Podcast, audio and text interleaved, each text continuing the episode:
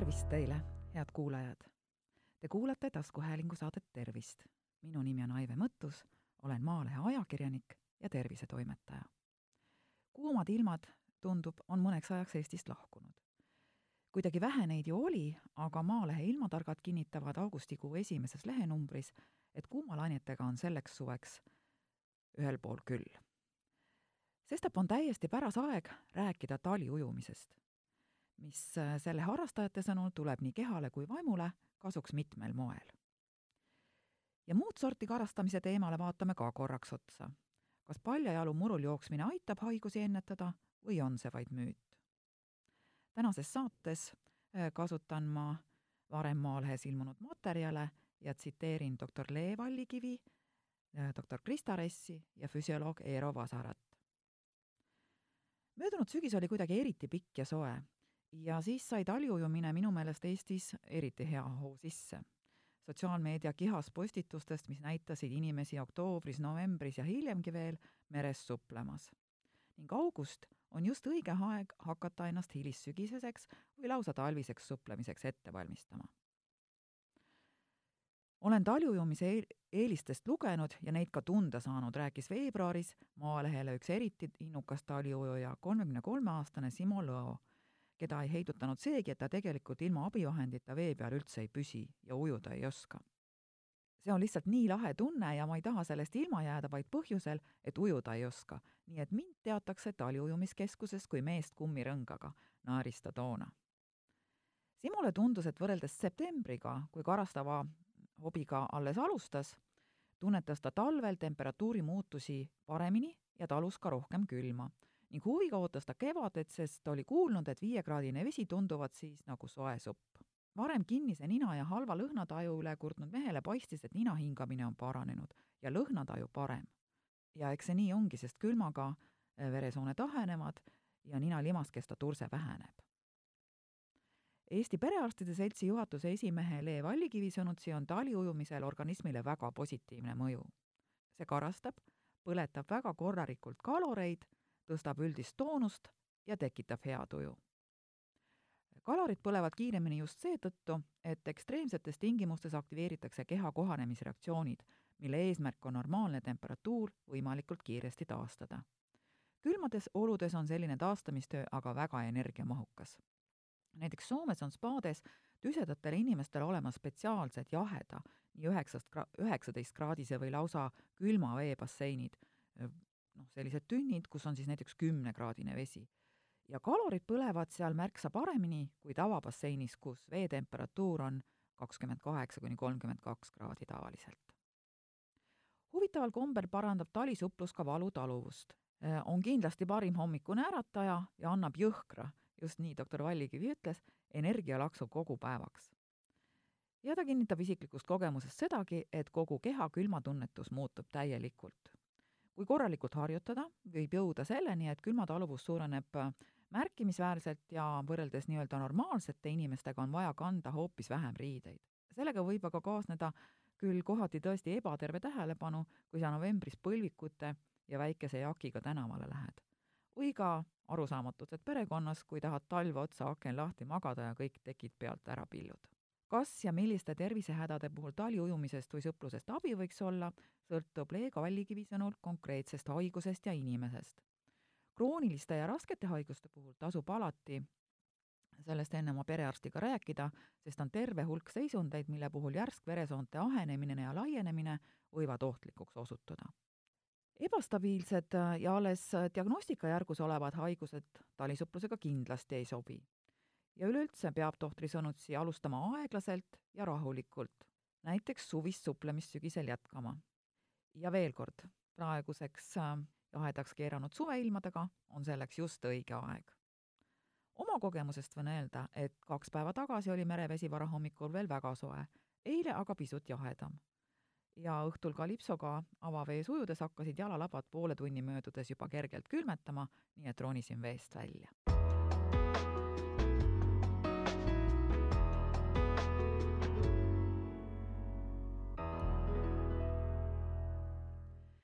mina alustasin möödunud aastal varahommikuste suplustega samuti augustis ning ei jätnud päevagi vahele kuni oktoobri lõpuni. siis tuli aga üks reis ja koju tagasi jõudes ei leidnud ma endas enam julgust läbi pimeduse ja lumetormi merre minna. täna aga kavatsen uuesti proovida, seniks kuni tahtmist jagub.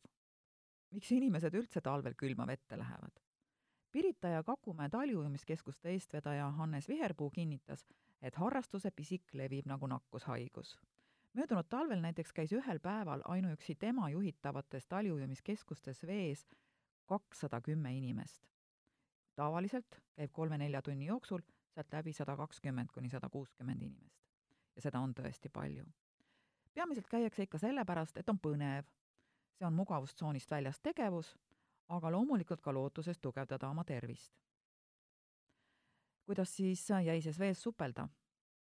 Ujuda soovitab Hannes Viherpuu kolmekümnest sekundist kuni nelja minutini, mitte rohkem.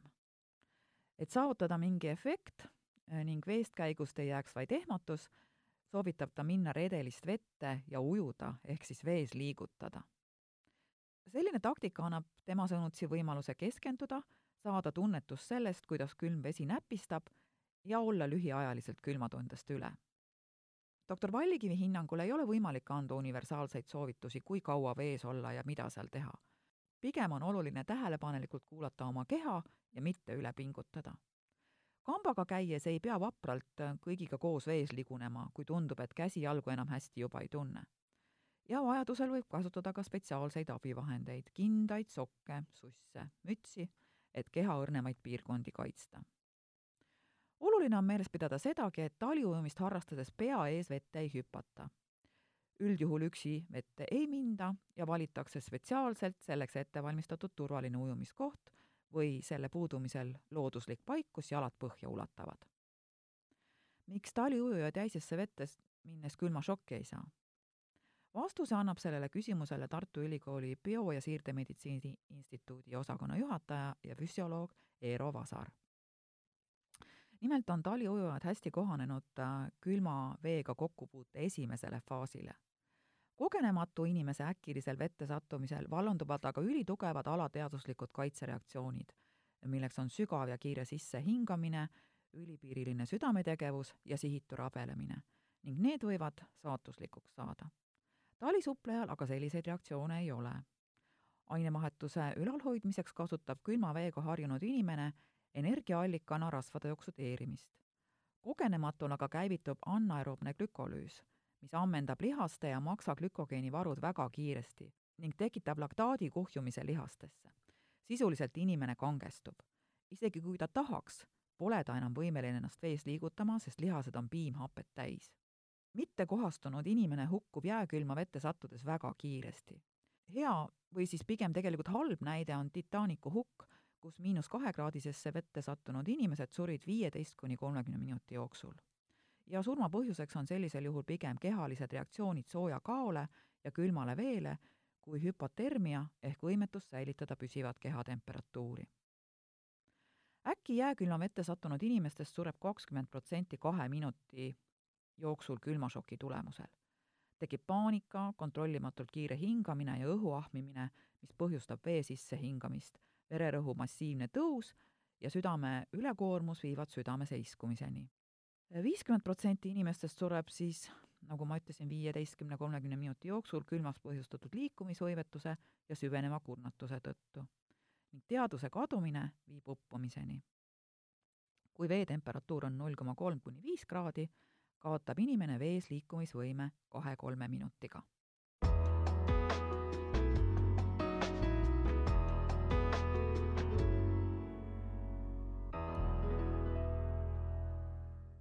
kui taliujumisest, mitte siis äkki külma vette kukkumisest tõuseb tõesti tervisele tulu, siis kuidas on muude protseduuridega, mille korrastavasse mõjusse inimesed ajast aega on uskunud? no näiteks äh, kolmkümmend mereäärset päeva suve jooksul, iga ilmaga lapsed paljajalu õue, peotäis musti sõstraid iga päev, värske sibul üle päeva. eriti lapsevanematel on varuks äh, terve hunnik trikke lootuses, et äh, sel aastal tuleb sügis teistmoodi ning ei peagi haige lapsega nii palju päevi kodus olema. ometigi, nii väga kui me ka ei tahaks, sellistel uskumustel tegelikult tõepõhja all ei ole, ütleb Ida-Tallinna Keskhaigla allergoloog, immunoloog Krista Ress. loomulikult tervislikud eluviisid normaalse, mitmekülgse ja tasakaalustatud toitumise, regulaarse ja piisava ööunega, liigse stressi vältimisega ning mõõduka füüsilise koormusega toetavad immuunsüsteemi normaalset toimimist, selgitab doktor Ress. Kuid äh, mida täpselt tugevdavad apteekides ja poodides pakutavad tooted ja toidulisandid, mis väidetavalt kõik aitavad immuunsust tugevdada, on tema sõnul selgusetu. miks nii? võimalust tugevdada oma immuunsüsteemi millegagi nii, et aastaid ei haigestu, isegi mitte nohusse, pole doktor Ressi sõnul olemas. uuringutes, mis näitavad, et teatud preparaadi võtmisel enam ei haigestuta üldse, on sageli kasutatud inimesi, kellel on mingi konkreetse aine puudus. Neile lihtsalt antakse preparaati, mis selle puuduse korvab.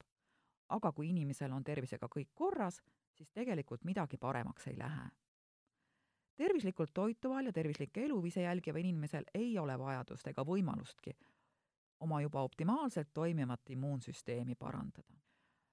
alatoitumus, vitamiinide ja mineraalide puudus võib aga tõesti olla üks põhjus, miks immuunsüsteemi kaitsevõime osaliselt langeb. perearst saab siis vajadusel määrata analüüsid ning välja selgitada, kas ja mille puudulikkus inimesel esineb ning oskab siis ka soovitada vajalikku toidulisandi annust ja kuuri pikkust igaks juhuks toidulisandite tarvitamisel võib aga juhtuda, et mõnda ainet saab organismi liialt ning see võib põhjustada nii immuunsüsteemi kui teiste organsüsteemide häireid. Kui lapsel on sageli nohu, ei tähenda see, et tema immuunsüsteemil midagi viga oleks. tuleb lihtsalt arvestada, et väikelastel võib olla täiesti terve immuunsüsteemi korral kuus kuni kümme ning koolilastel kuni neli ülemiste hingamisteede infektsiooni aastas. tähtis ei ole tegelikult mitte niivõrd haigestumiste arv, vaid see, et terve immuunsüsteemi korral paranevad inimesed infektsioonist kiiresti ja nakkustevahelisel perioodil ollakse terve. samas kui immuunpuudulikkuse korral on haigused vinduva kuluga ning vajavad paranemiseks enamasti antibakteriaalset ravi. immuunpuudulikkuse korral on sageli tegu ebatüüpilise haigustekitajaga ning ka tavapärase tekitaja puhul võib haiguse kulg olla tavalisest raskem mida lapsevanem teha saab, on omaks võtta teadmine, et nakkuse riski võivad lastel lisaks lasteaias, koolis, huviringides käimisele suurendada ka passiivne suitsetamine, allergia, organismi anatoomilised äh, iseärasused, defektid, võõrkehad hingamisteedes ning maomahla tagasivoolu haigus. üks on aga selgemast selgem, meie kliimas jäävadki inimesed talvisel perioodil haigeks ning see on normaalne, rõhutab immunoloog teine lugu on immuunpuudulikkusega inimestega. kui selline inimene jääb haigeks, siis ei põe ta köha mitte kaks nädalat, vaid hulga pikemalt ja raskemalt. ning sellisel juhul on aeg mõelda, kas tegu on normaalse haigestumisega või on see ebatavaliselt raske ja sage. kaasasündinud immuunpuudulikkust nimetatakse primaarseks immuunpuudulikkuseks. eluea jooksul välja kujunenud immuunpuudulikkust aga sekundaarseks ja see võib olla tingitud näiteks haigustest või ka ravimist oleme harjunud teadmisega, et selline haigus võib olla HIV ning võib tulla üllatusena, et on tegelikult ka terve hulk muid seisundeid, millega võib kaasneda immuunpuudulikkus. no näiteks kroonilised haigused, diabeet, kroonilised neeru- ja maksahaigused, näiteks maksatsirroos, mitmed vereloomehaigused. samuti vähendavad organismi kaitsevõimet mõned ravimid, mida kasutatakse kasvajahaiguste või autoimmuunhaiguste raviks seetõttu võib kasvajahaigusega võitlemise ajal ning pärast seda olla immuunsüsteem kurnatud ning kaitsevõime nakkushaiguste suhtes langenud. kui inimene haigestub väga sageli, tuleb seda kindlasti perearstile mainida, sest siis oskab arst haiguse iseloomust ning ravist tulenevalt soovistada koduseid ennetusmeetmeid ning vajadusel suunata patsiendi eriarstile. seniks aga magage piisavalt, sööge kõike, liikuge ja ärge närveerige ning kui teil mingit tõsist tervisehäda ei ole ja te kroonilist haigust ei põe, võite vabalt aeg-ajalt või ka iga päev jahedasse vette sulpsata, et veresoontele ja ainevahetusele veidi uudset kogemust ja ergutust pakkuda. ja ärge tehke seda mitte teistele näitamiseks ega sotsiaalmeedias laikide kogumiseks, vaid iseenda heaks ja jaoks. head kuulajad, te kuulasite taskuhäälingu saadet Tervist saate leiate Delfi podcastide pesast tasku, nutirakenduste Spotify, Apple Podcasts, SoundCloud ja teised. hakake jälgijaks ja kuulake just teile sobival ajal. ettepanekuid teemade kohta, mida saates käsitleda, ootan teilt e-posti teel aadressil tervist.maaleht.ee. minu nimi on Aive Mõttus, olen Maalehe ajakirjanik ja tervisetoimetaja. tervist teile!